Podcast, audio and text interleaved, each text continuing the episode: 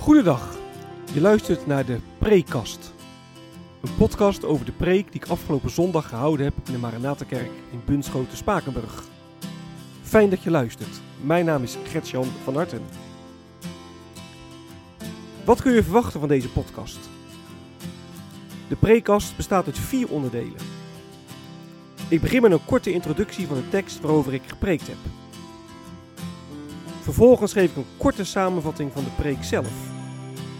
En met korte samenvatting bedoel ik ook echt kort. Tijdens mijn opleiding heb ik geleerd dat preken schrappen is. Niet alles wat je in de voorbereiding gevonden en bedacht hebt, kan terugkomen in de preek. Wat heb ik laten liggen wat het overdenken wellicht waard is? Daar wil ik het over hebben in het derde deel van de preekkast.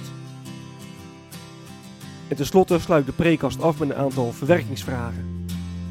Vragen die je kunnen helpen om de preek te overdenken en of toe te passen. Ik wens je veel luisterplezier.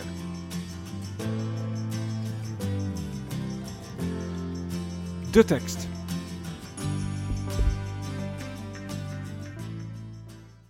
De preek ging over 2 Timotheus 4, vers 16 tot en met 18. We hebben gelezen 2 Timotheus 4, vers 9 tot 22. En de preek was de zevende en laatste preek in een prekenserie die ik samen met Jan Meijer gehouden heb over het uh, Bijbelboek 2 Timotheus. In 2 Timotheus 4 vanaf vers 9 lezen we dat Paulus zijn beklag doet. Paulus zegt, iedereen heeft mij verlaten. Paulus zat in de gevangenis en ja, die mensen die om hem heen stonden, die, die zijn weggegaan bij hem. Hij zegt, alleen Lucas is maar bij me gebleven en de rest is allemaal weggegaan. En Alexander de kopersmid heeft hem ook heel veel kwaad berokkend. Die heeft uh, de verkondiging van het evangelie sterk tegengewerkt. En dan komen we bij vers 16, bij de tekst. Het eerste tekstvers, zegt Paulus, iedereen heeft me in de steek gelaten. Maar de Heere, hij heeft mij geholpen, hij heeft mij kracht gegeven. En omdat de Heer me kracht gegeven heeft, heb ik de verkondiging tot een goed einde kunnen brengen. En alle volken hebben van de boodschap gehoord. Nou, verder zegt Paulus vers 18, de Heer zal me redden van alle kwaad. Hij zal me naar zijn hemels koninkrijk brengen. En dan sluit Paulus af met een, met een, uh, een lofprijzing. Hem, dat is de Heer, komt de eer toe tot in alle eeuwigheid. Amen. De preek.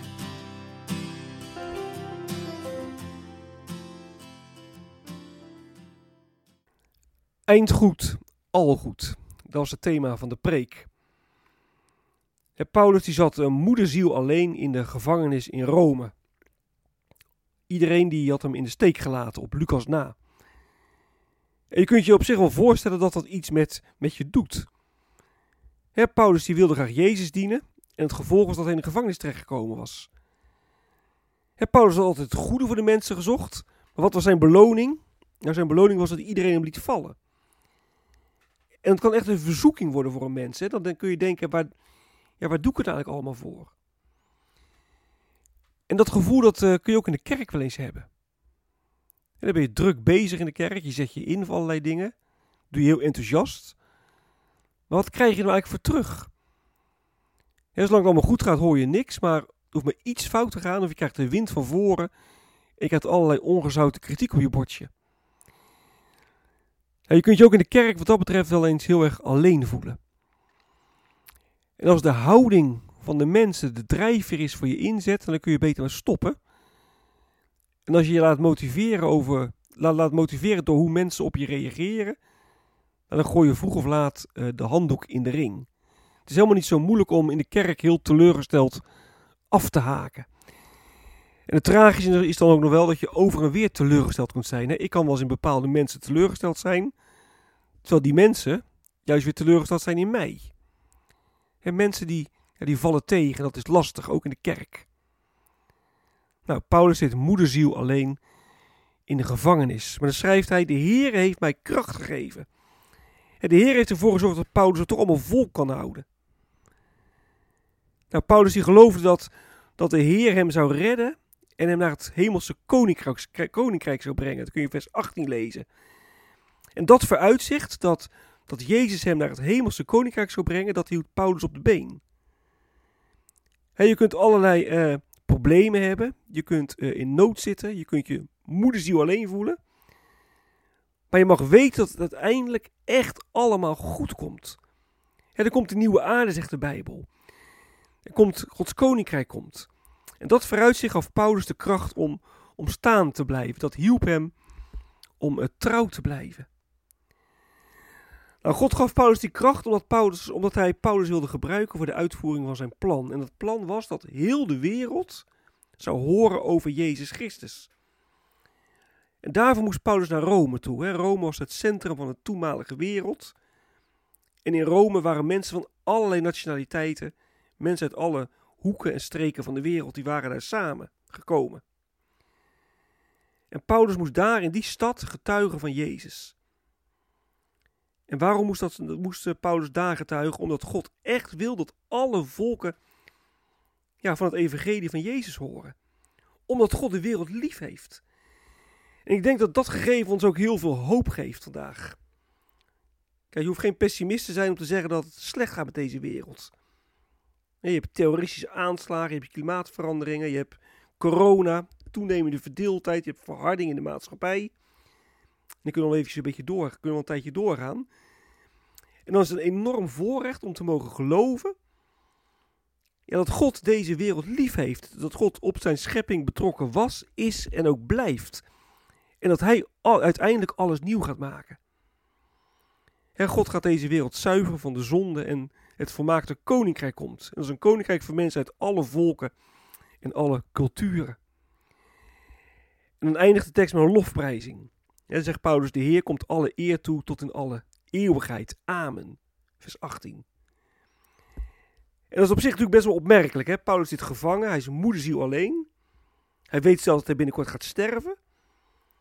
Maar Paulus gaat zich niet beklagen, nee, hij gaat God prijzen.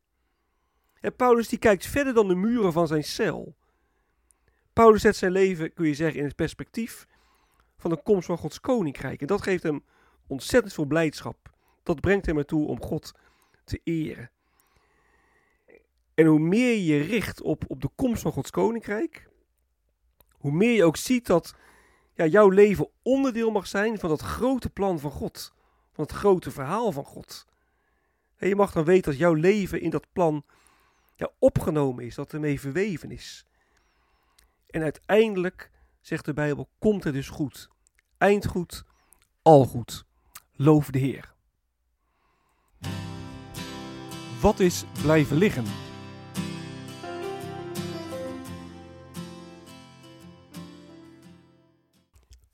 Ook nu wil ik weer een drietal punten noemen die niet in de preek aan de orde geweest zijn. Het eerste gaat over het begin van vers 16. Daar zegt uh, Paulus: Bij mijn eerste verdediging heeft niemand mij bijgestaan. En de historische context van deze woorden is moeilijk te bepalen. Want als Paulus het heeft over mijn eerste verdediging, waar, waar heeft hij het dan over? Waar doelt hij dan precies op? Nou, ik heb in de preek gezegd, dat is een keuze die ik gemaakt heb. De eerste verdediging was toen Paulus gevangen zat in Caesarea. Toen hij zich uh, moest uh, verdedigen tegenover Felix, Festus en Agrippa. Dat kun je lezen aan, aan het slot van Handelingen, Handelingen 24 en, en verder. Dat was een eerste verdediging. Hij is toen naar Rome uh, gestuurd. Daar moest hij zich voor de keizer verantwoorden. En daar heeft hij een tweede verdediging uh, kunnen, uh, kunnen geven. Nou, de eerlijkheid gebied te zeggen dat niet alle exegeten het daarmee eens zijn. Er zijn ook mensen die zeggen, nee, Paulus die doelt bij zijn eerste verdediging op een verdediging in Rome. Hij was uh, naar Rome gestuurd, zat in de gevangenis, moest zich uh, voor Nero verdedigen. Nero die heel wreed was, die ook christenen voor de leeuwen wierp. Die verdediging heeft uh, Paulus goed doorstaan. Hij is toen vrijgelaten, vandaar dat hij ook zegt, ik ben gered uit de muil van de leeuw. Ik ben gered ja, uit de, de, de klauwen van, van Nero. Paulus is zo vrijgelaten, heeft Rome weer verlaten. Is later uh, nog een keer gevangen genomen. Is toen weer in Rome terechtgekomen. En toen ja, heeft hij zich een tweede keer kunnen verdedigen. Dat was minder goed afgelopen. Hij is toen ter dood veroordeeld. En dat was ook de tijd dat hij deze brief schreef. Nou, waarom zeggen mensen dat? Mensen zeggen dat omdat Eusebius, dat is een uh, kerkhistoricus uit de derde eeuw uh, na Christus. Hij leefde ongeveer van 263 tot 339 na Christus. Eusebius van Caesarea heeft een kerkgeschiedenis geschreven. Daar is een hele mooie Nederlandse vertaling van. Die is uh, gemaakt door meneer Faner.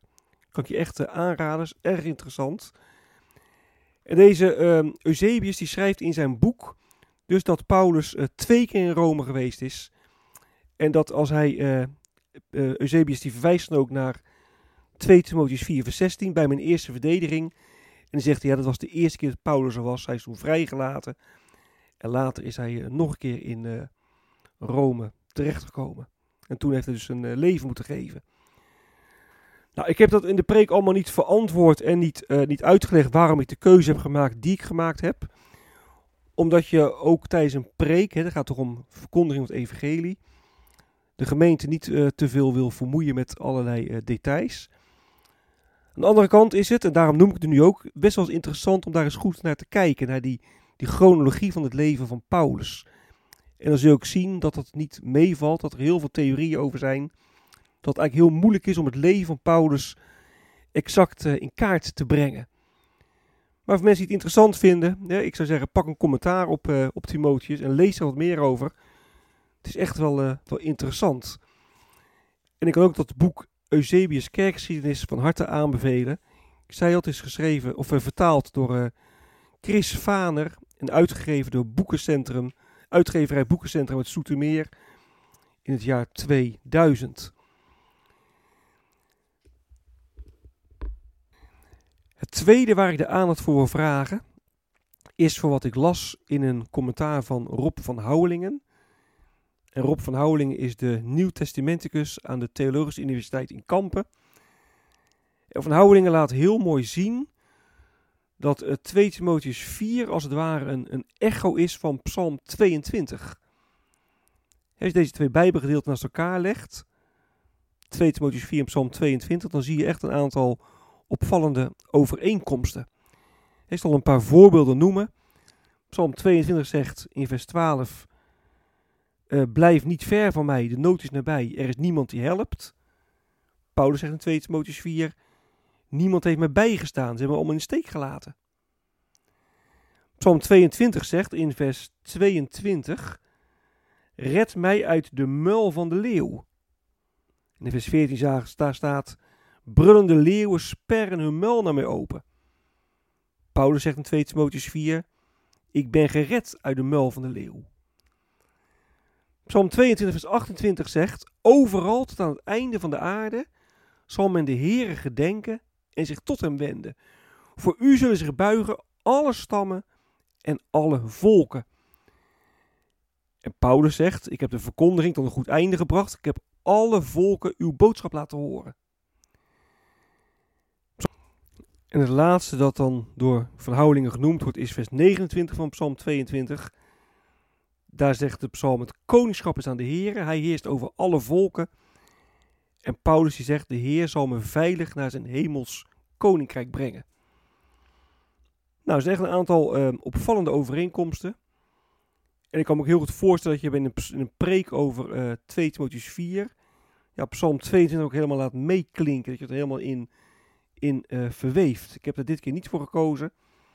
Maar het is, uh, nou, het is echt de moeite waard om, om, om Psalm 22 eens goed te lezen en dat naast 2 Timotheus uh, 4 te leggen. Ik heb Psalm 22 dan ook opgenomen op het, of in het Bijbellezenrooster op het preekblad. En dan wil ik tenslotte nog aandacht vragen voor het slot van vers 16. In vers 16 heeft Paulus eerst gezegd, hè, iedereen heeft mij in de steek gelaten. Maar dan eindigt hij dat vers met, mogen het hun niet worden aangerekend. En eigenlijk zegt Paulus daar hetzelfde als wat Stefanus zei toen hij gestenigd werd daar was Paulus overigens ook bij. Hè? Hij paste toen op de jassen. En toen zei Stefanus, je kunt dat lezen in Handelingen 7, vers 60. Heer, reken hun deze zonde niet aan. En ook dat is weer een echo van nou, wat Jezus zei toen hij aan het kruis genageld werd. Dat hij zei, Vader, vergeef het hun, want ze weten niet wat ze doen. Mogen het hun niet worden aangerekend. Terwijl Paulus in vers 14 zegt, Alexander, de kopersmid, die heeft mij heel veel kwaad gedaan. Maar dan zegt hij niet van, mogen de Heer het hem niet aanrekenen of vader wilt u het hem vergeven. Maar dan zegt hij, de Heer zal hem zijn verdiende loon geven. En dat is toch een hele andere sfeer. Hè? Bij de een zegt hij dus, Heer rekent u niet aan. En bij de ander zegt hij, de Heer zal ze een verdiende loon geven. Hoe kan dat verschil verklaard worden? Nou, ik heb daar niet heel erg diep over nagedacht. Maar dat is natuurlijk wel een punt wat, wat opvallend is, waar je wat nodig over kunt zeggen. Wellicht, maar dat is even gewoon een schot voor de boeg, kan het te maken hebben met het feit dat de mensen die Paulus in de steek lieten, ja, dat dat meer uit, uit, uit lafheid was. Dat mensen misschien meer uh, ja, gewoon moeilijk vonden om Paulus bij te staan en daarom weggingen. Terwijl Alexander zich juist heel erg uh, nou, bewust verzet heeft tegen de verkondiging van het evangelie. Want er staat uh, in vers 15 dat, dat Alexander de verkondiging sterk heeft tegengewerkt. Dus een veel actievere tegenwerking. Maar goed, dat klopt, weet ik niet. Ik heb er niet heel lang over nagedacht. Maar het is wel een opvallend verschil dat er bij de een staat... De heren mogen er niet worden aangerekend. En bij de andere staat, de heer zal hem zijn verdiende loon geven. Verwerkingsvragen. Op het preekblad heb ik ook dit keer weer een viertal vragen opgenomen. En de eerste vraag is, als je 2 Timotheus 4 vanaf vers 9 zo leest, dan zie je dat Paulus echt teleurgesteld is. Teleurgesteld is in, in zijn medechristenen. ze hebben hem laten vallen, ze hebben hem in steek gelaten. En de vraag die ik wil stellen is, in hoeverre ben jij teleurgesteld in andere gemeenteleden? En kun je voorstellen dat jij wellicht een ander teleurstelt? De tweede vraag is: in hoeverre kun jij, als je zorgen en moeite hebt, toch de Here prijzen? En net zoals Paulus dat deed. Paulus zat in de gevangenis, was een moederziel alleen. En toch dan die fantastische lofprijzing met: De Heer komt de eer toe tot in alle eeuwigheid. Dan kun je het ook als je moeite en zorgen hebt, toch de Heer prijzen. De derde vraag is: het thema van deze preek was eindgoed, al goed. Is dat niet eigenlijk een, een, een zoethoudertje, een een soort dooddoen over mensen die het moeilijk hebben. Dat doe je mensen dan wel recht. En de laatste vraag is: in hoeverre speelt de belofte van de komst van Gods koninkrijk een rol in je geloofsleven? Paulus zegt: De Heer zal me voor alle kwaad redden, hij zal me veilig naar zijn hemels koninkrijk brengen.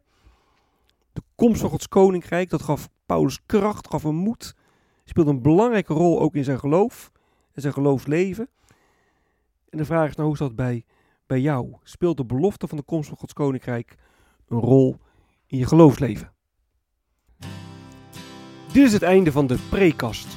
Mocht je vragen of opmerkingen hebben, dan kun je me mailen op mailadres van hartengretjan.gmail.com van hartengretjan.gmail.com Ik wens je nog een hele prettige dag.